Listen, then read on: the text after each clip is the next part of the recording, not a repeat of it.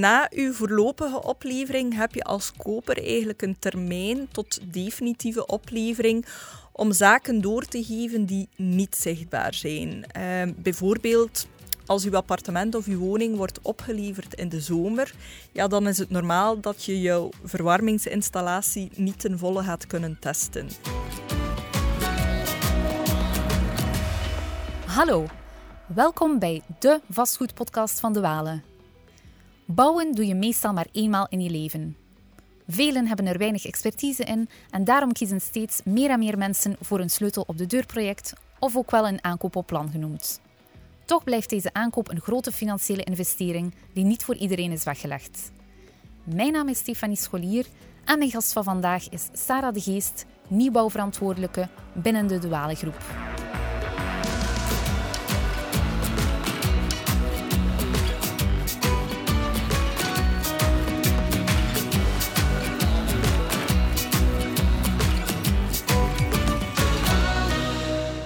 Dag Sarah. Hallo. Dankjewel om tijd vrij te maken voor ons. Jij bent uh, nieuwbouwverantwoordelijke bij De Walen. Kan je even kort toelichten wat het juist inhoudt? Jazeker. Binnen de Walen Vastgoedgroep is mijn job eigenlijk tweeledig. Uh, enerzijds uh, onderhouden wij de contacten met onze klant-projectontwikkelaars. Dus dat gaat van uh, adviezen meegeven in de voorstudies tot eigenlijk uh, mee aan tafel zitten bij onze kantoren als het gaat over marketingaanpak van hun projecten.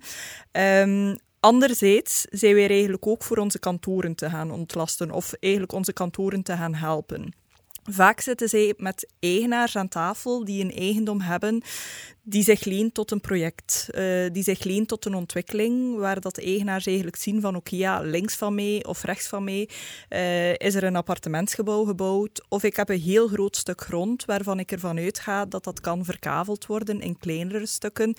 Dat is een heel specifieke niche binnen uh, onze job of binnen onze sector. Zien wij heel veel gesprekken doen met projectontwikkelaars, weten wij hoe eigenlijk die waardes bepaald worden uh, als je eigenlijk een eigendom gaat gaan vermarkten, vermarkten naar een projectontwikkelaar toe.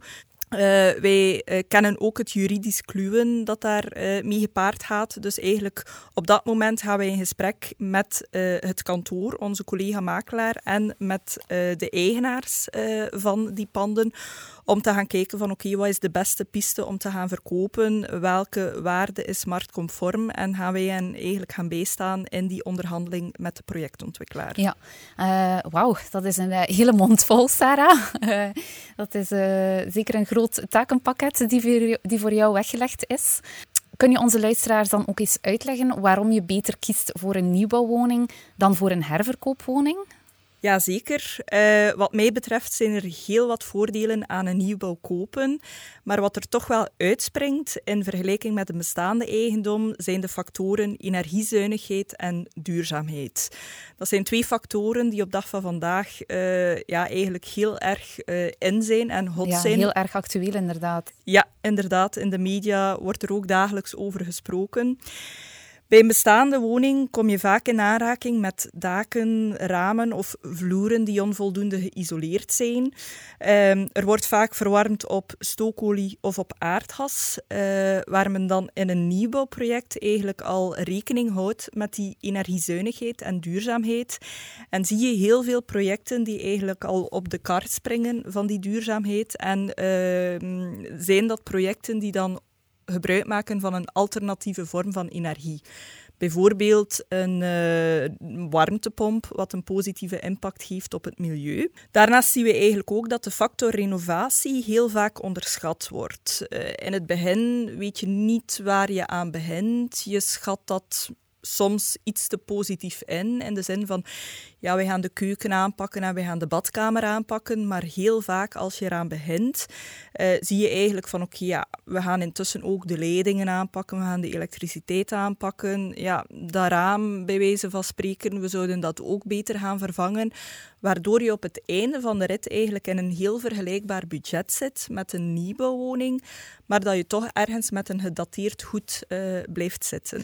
Natuurlijk heb je dan wel voor die renovatie de keuze om dat gespreid te gaan doen in de tijd. en ook gespreid op vlak van financiering, waar je bij een nieuwbouwproject dat wel meteen die grote som geld op tafel moet leggen.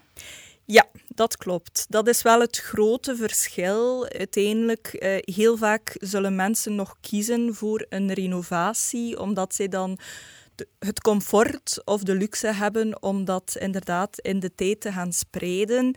Um, anderzijds, als je de mogelijkheden hebt om voor een nieuwbouwwoning te gaan, dan zou ik toch uh, adviseren of, of meegeven van ja, bekijk die piste ook zeker goed. Want je zit wel met een, een, ja, een nieuwbouwgegeven, een nieuwbouwwoning. Uh, je zit ook met onder andere architectuur die compleet anders zal zijn, die hedendaags zal zijn. Uh, je zit met vernieuwde technieken die eventueel verwerkt zitten. Um, waardoor, waardoor je dan onmiddellijk eigenlijk geld kunt uitsparen doordat de woning bijvoorbeeld energiezuiniger is. Ja, zeker. Bijvoorbeeld um, als je woning voldoende energiezuinig is, kan je uh, aanspraak maken op een korting uh, op de onroerende voorheffing, de grondlasten, zoals men in de volksmond zegt.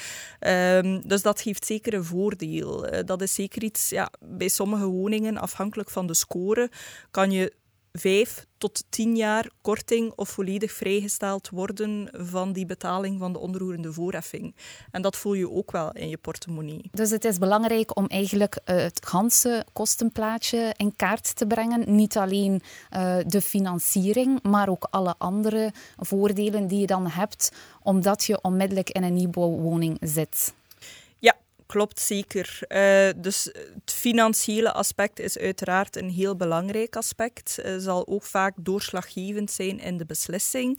Maar anderzijds, uh, er zijn mm, ja, heel veel voordelen aan een nieuwbouwwoning of aan een nieuwbouwappartement. De duurzaamheid en de energiezuinigheid is eigenlijk al wat aangehaald. Daar val ik in herhaling. Maar zoals dat je zegt, het is een hot topic in de media ook. je hoort eigenlijk eigenlijk quasi alle dagen dat onze CO2-uitstoot uh, eh, naar beneden moet. Je hoort het wagenpark heeft daar een grote impact op, maar anderzijds hebben onze gebouwen daar ook een hele grote impact op. En dan bedoel ik vooral isolatie van onze gebouwen en de verwarming uh, van onze gebouwen. Dus ga je daar naar een nieuwbouwwoning, dan heb je sowieso een, een voordeel ten aanzien van die bestaande woning die je zou aankopen en eventueel gaan renoveren. Want dan hang je toch min of meer vast aan die fossiele brandstoffen en is het niet zo gemakkelijk om te gaan zeggen van ja, ik ga een alternatieve bron van uh, energie gaan gebruiken. Um, terug, ik val een beetje in herhaling, maar de nieuwste technieken die worden verwerkt in een nieuwbouwwoning zijn zeker ook een voordeel. Ook eventueel de omgeving speelt natuurlijk een rol, zeker in die grotere projecten. Als je gaat gaan kijken naar meer gezinswoningen of naar woningen, als in de omgeving wordt gewerkt bijvoorbeeld met uh, wateropvangsystemen, recuperatiesystemen, uh, slimme gebouwen met afleverboxen, uh, gemeenschappelijke ruimten, parking, dus je moet eigenlijk al veel kennis hebben op deze domeinen om jezelf te wagen aan de opvolging van je nieuwbouwwoning.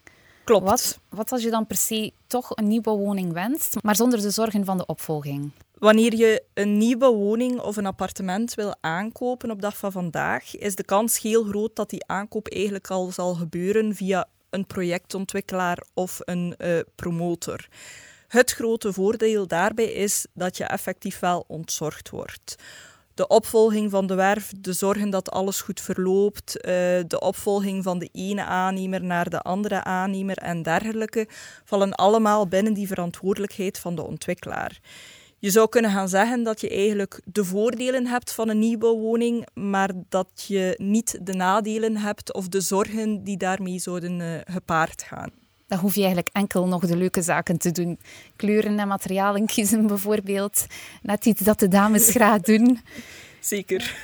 Kan je eigenlijk altijd uh, alle inrichting zelf kiezen? Dit is een vraag die we heel vaak krijgen van kandidaat-kopers. Kopers hebben uh, vaak de schrik dat ze eigenlijk geen zeggenschap zullen hebben in uh, die aankoop. En uiteindelijk, ja, draai het of keer het. Het gaat toch om een uh, heel groot budget dat gespendeerd wordt. Dus dus het is normaal dat je als koper daar inzage of inspraak willen hebben. Ehm, dat dus- zijn dan de zaken die ook in het lastenboek opgenomen worden. Inderdaad. Zo'n zaken worden allemaal in het lastenboek omschreven en opgenomen. Dus het lastenboek, eh, je zou eigenlijk kunnen gaan zeggen, dat is de leidraad van uw appartement of van uw woning die je gaat gaan kopen. Daarin zijn zaken vermeld als bouwtechnische gegevens, van oké, welk e-pijl wordt nagestreefd Ehm, welke ramen worden gebruikt, hoeveel isolatie wordt gebruikt, welke gevelsteen wordt gebruikt. Maar daarin zal ook de afwerkingsgraad van uw appartement of uw woning eh, opgenomen worden. Dus daarin zullen eigenlijk budgetten opgenomen zijn van oké, voor de keuken, bij wijze van spreken, heb ik 10.000 euro die ik kan gaan spenderen. Dat is bij een bepaalde leverancier die vastgelegd is door de ontwikkelaar. Maar eigenlijk binnen dat budget heb je volledig vrije keuze van wat die keuken zal zijn. Wil jij voor een landelijke keuken gaan? Wil jij voor een moderne keuken gaan? Dat kan je eigenlijk volledig op maat uh, dan gaan kiezen. Dus op die manier heeft de klant dan eigenlijk onmiddellijk een totaalbeeld van zijn aankoop. Klopt. Wat zijn mogelijkheden zijn, hoe ver je kan gaan daarbinnen binnen een bepaald budget. Ja, inderdaad. We hoorden hier al heel wat voordelen, uh, maar zijn er eigenlijk ook nadelen of no-go's voor uh, mensen die op plan willen aankopen?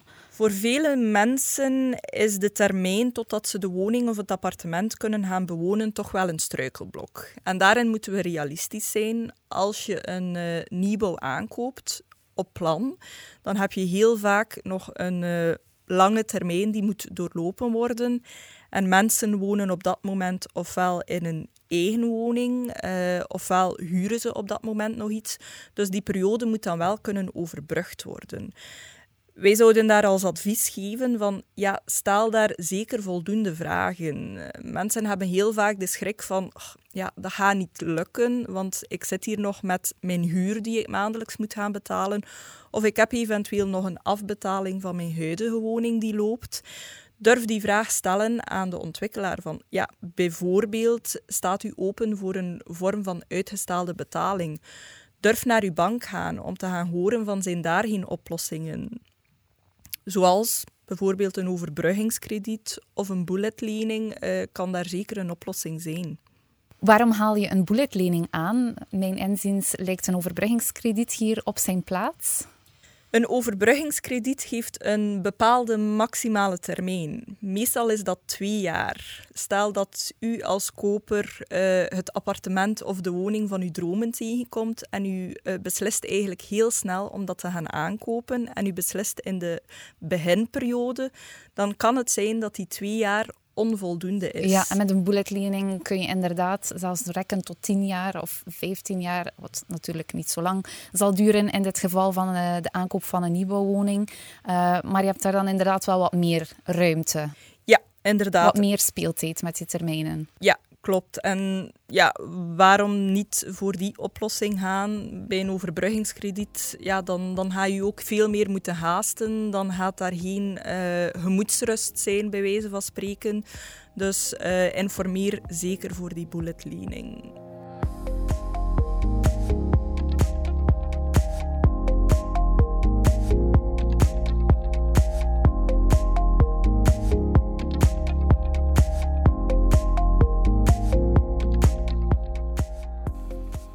Wet heeft ook al langere tijd bescherming voorzien voor de kopers van nieuwbouwwoningen. Die is gekend onder de wet Breinen. Maar kan jij, Sarah, eens aan onze luisteraars uitleggen wat dit nu precies inhoudt? De wet Breinen is eigenlijk in het leven geroepen ter bescherming van de kopers van een appartement of een woning op plan. Dat is eigenlijk echt een wet specifiek voor die groep van mensen en staat volledig uh, eigenlijk ten voordele van die koper. In het verleden, ik spreek over jaren 70, 80, was die wet er niet. En dan had je ja, de bakker of de slager om de hoek die dacht: ik heb wat centen op overschot, ik ga hier een blokje uh, appartementen gaan bouwen. Maar doorheen het proces kwam die in de problemen en dan zaten die kopers eigenlijk vaak uh, effectief uh, ja, in problemen, in financiële problemen. Omdat... Wanneer die bakker of beenhouwer dan failliet ging, bijvoorbeeld? Ja, Inderdaad. Dus dan heeft de wetgever eigenlijk beslist van oké, wij moeten die toch vrij grote groep van kopers een bescherming uh, geven. En dat is de wet Breine. Er zijn daar een aantal zaken die ik zou kunnen aanhalen, maar het lijkt mij best om hier de belangrijkste punten aan te halen. En dat is zeker um, de betalingsvoorwaarden, of dat, dat zijn zeker de betalingsvoorwaarden. De koper is daar perfect in beschermd. Eigenlijk komt het erop neer dat een koper pas mag betalen als bepaalde werken zijn uitgevoerd. Om een praktisch voorbeeld uh, te geven, dat is altijd iets gemakkelijker om uh, in te beelden. Zeker. Stel dat Ga je, je gang, Sarah. Stel dat je een appartement aankoopt 300.000 euro exclusief kosten. Deze prijs wordt uh, steeds opgesplitst in een grondwaarde en een constructiewaarde. Waarom is deze opsplitsing nu belangrijk? Op de grondwaarde betaal je als koper verkooprechten, ofwel de vroegere registratierechten. Op de constructiewaarde betaal je 21% BTW. De grondwaarde die bedraagt gemiddeld 20%. Het overige bedrag is dan die constructiewaarde. Stel, ik koop op dag van vandaag een appartement aan. Binnen de vier maanden ga ik naar de notaris voor het verleden van mijn notariële akte. Op dat moment betaal ik de grondwaarde, omdat dan ook uh, ja, de wetgever redeneert, oké, die grond, daar ben je al eigenaar van.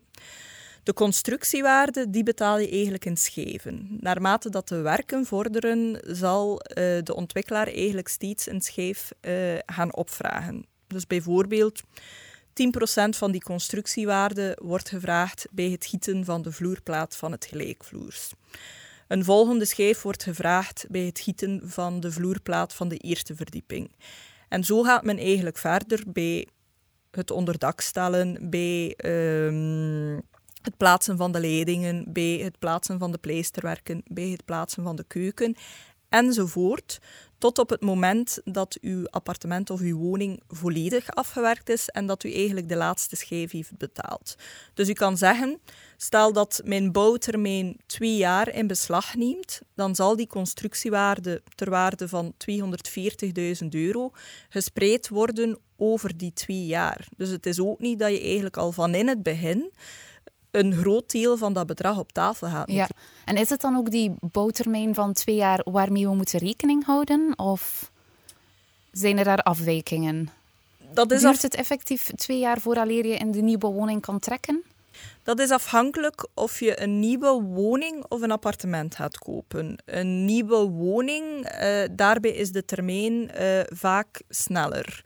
Daar mag je eigenlijk uitgaan van een gemiddelde van één jaar bouwtermijn. Bij een nieuw appartement, ja, op zich, je zou kunnen gaan zeggen, het is het appartement dat ik aankoop. Waarom duurt dat dan langer dan een nieuwe woning uh, aankopen of een nieuwe woning bouwen? Je hebt natuurlijk te maken met het gegeven bijvoorbeeld in een appartementsgebouw is het vaak onderkelderd. Want de, uh, de auto's en de fietsen moeten natuurlijk ergens gestald worden. Dat gebeurt meestal in de kelder. Een kelderverdieping bouwen is bouwtechnisch uh, vrij, ik ga niet zeggen moeilijk, maar er gaat daar toch een bepaalde termijn over. Ook, je moet rekening houden, ja, het gebouw is sowieso groter, want er zijn zoveel entiteiten ondergebracht. Je hebt je gemene delen, je lift, je trap, die toch wel moeten afgewerkt zijn alvorens dat je uh, je appartement kan gaan betreden. Dus bij een appartementsgebouw of bij een appartement zouden wij toch meegeven, ja, hou gemiddeld rekening met een termijn van twee à twee jaar en een half. Ja. Dat is een realistische termijn. Behalve in de gevallen waarschijnlijk waarin uh, de afwerkingsfase van het appartementsgebouw al redelijk ver gevorderd is en dat er nog enkele appartementen te koop staan bijvoorbeeld. Ja, dat klopt. Ik spreek nu echt wel die twee à twee jaar en een half. Is bij wijze van spreken, mocht je vandaag instappen en de eerste steen of de eerste spadesteek moet nog uh, gedaan worden. Ja, ja, ja. Als je natuurlijk in de loop van het project aankoopt, uh, terwijl dat de werken al bezig zijn, ja, dan zal die termijn uh, uiteraard korter zijn. Ja, het moment dat je dan eigenlijk in je nieuwbouwwoning trekt, is dan ook het moment van de voorlopige oplevering. Kun je misschien voor de luisteraars nog eens het verschil uitleggen, Sarah, tussen de voorlopige oplevering en de definitieve oplevering? De voorlopige oplevering gebeurt eigenlijk wanneer de werken zijn afgerond en eigenlijk op het moment dat uw woning klaar is om te gaan intrekken. Je wordt als koper uitgenodigd door de verkopende partij, dus zijnde de ontwikkelaar, eh, en die laat zich daarin altijd bijstaan door de architect.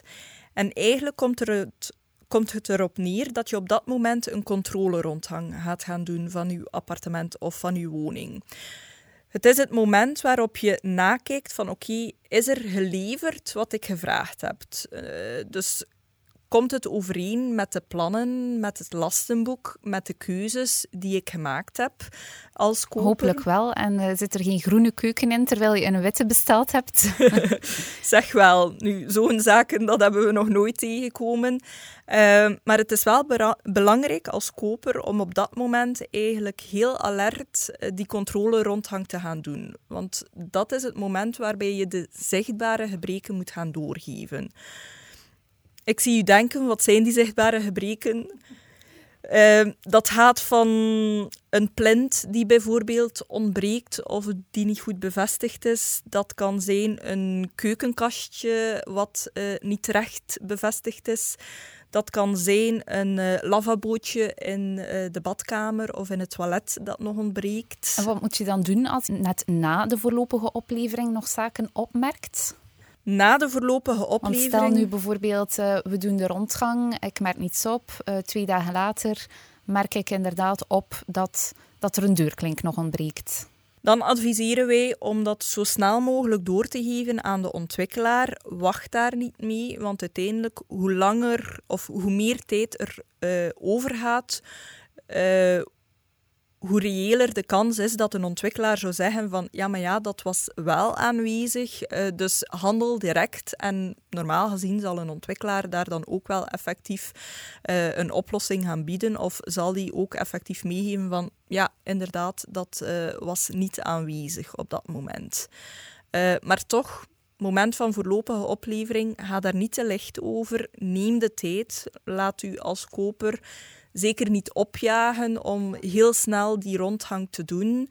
Uh, bijvoorbeeld ook uh, ramen, kijk daar goed naar. Het zou wel eens kunnen gebeuren in een uh, bouwwerf dat er bij wijze van spreken een kras in het raamwerk zit. Ja. bekijk dat goed. Dat is zeker een dankbare tip, Sarah.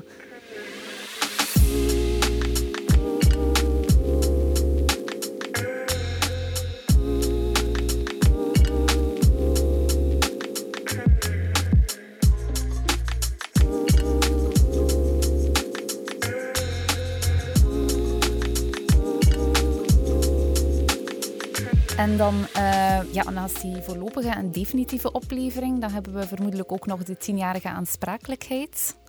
Ik ga misschien nog even inpikken op de definitieve oplevering. Van voor de luisteraars zijn we daar eigenlijk nog niet op ingegaan. Oh, sorry Sarah, ik wou te snel gaan. Ik wou te snel gaan.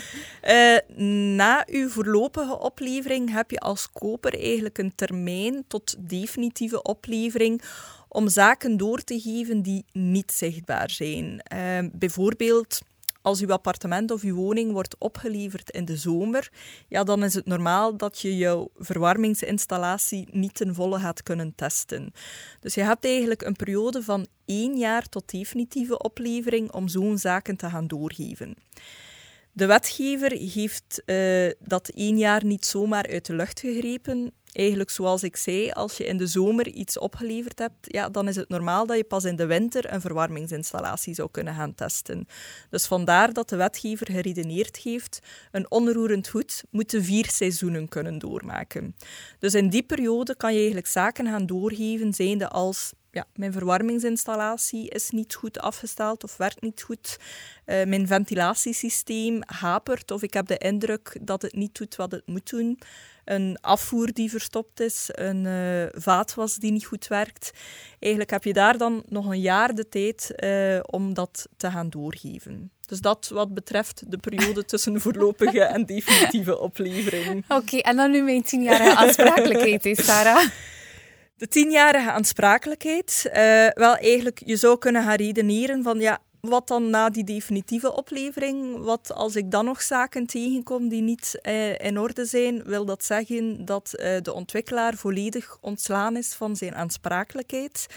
Dat is zeker niet het geval. Uh, de ontwikkelaar is eigenlijk gedurende tien jaar aansprakelijk voor grove gebreken. Denk bijvoorbeeld aan waterinfiltratie in een gebouw. Mocht... Een vochtprobleem. Ja, een vochtprobleem, inderdaad. Mocht je dat gaan tegenkomen, dat zijn zaken die je eigenlijk gedurende tien jaar kan gaan doorgeven en uh, waar dat de ontwikkelaar dan ook effectief aansprakelijk voor is en moet gaan kijken voor een oplossing. Dat is heel duidelijk.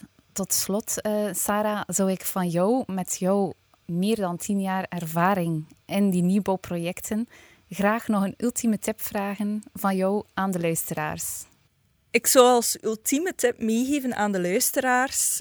Als u de stap wil zetten naar de aankoop van een nieuwbouwwoning of een nieuwbouwappartement, laat u bijstaan eh, door een onafhankelijk persoon, iemand die expertise heeft in uh, die nieuwbouwmarkt. Dat kan een makelaar zijn, maar dat kan ook gerust uh, iemand anders zijn die bouwtechnische ervaring heeft. Want uiteindelijk, meestal als koper, kom je maar eenmaal in je leven, of ja, misschien meerdere malen in je leven, in aanraking met dat aankooptraject. En nieuwbouw is toch wel heel specifiek. Het ontleden van die plannen, van dat lastenboek, van een eventuele basisakte die bij een appartementsgebouw aanwezig is dat zijn zaken, als leek kan je daar niet veel van. Uh, en je zou eigenlijk ja, kunnen uh, je gaan verliezen in die materie, terwijl uh, dat heel vaak een nieuwbouw echt wel... Ehm, ja, dat je dat echt wel Complex moet is. Ja, inderdaad. Dus, en die complexiteit mag u niet uh, afschrikken om eigenlijk bij wijze van spreken te gaan zeggen van oké, okay, ik ga een andere piste gaan bewandelen. Terwijl dat je je als uh, kandidaat koper perfect kan laten bijstaan. Dus dat is echt wel mijn ultieme tip. Laat u bijstaan. Oké. Hartelijk dank Sarah voor uh, deze podcast. Heel graag gedaan, Stefanie. Dit was de vastgoedpodcast van De Walen. Krijg je niet genoeg van ons vastgoedadvies? Abonneer je dan zeker op ons kanaal en beluister al onze podcasts of neem een kijkje op dewalen.com. Tot de volgende vastgoedbabbel.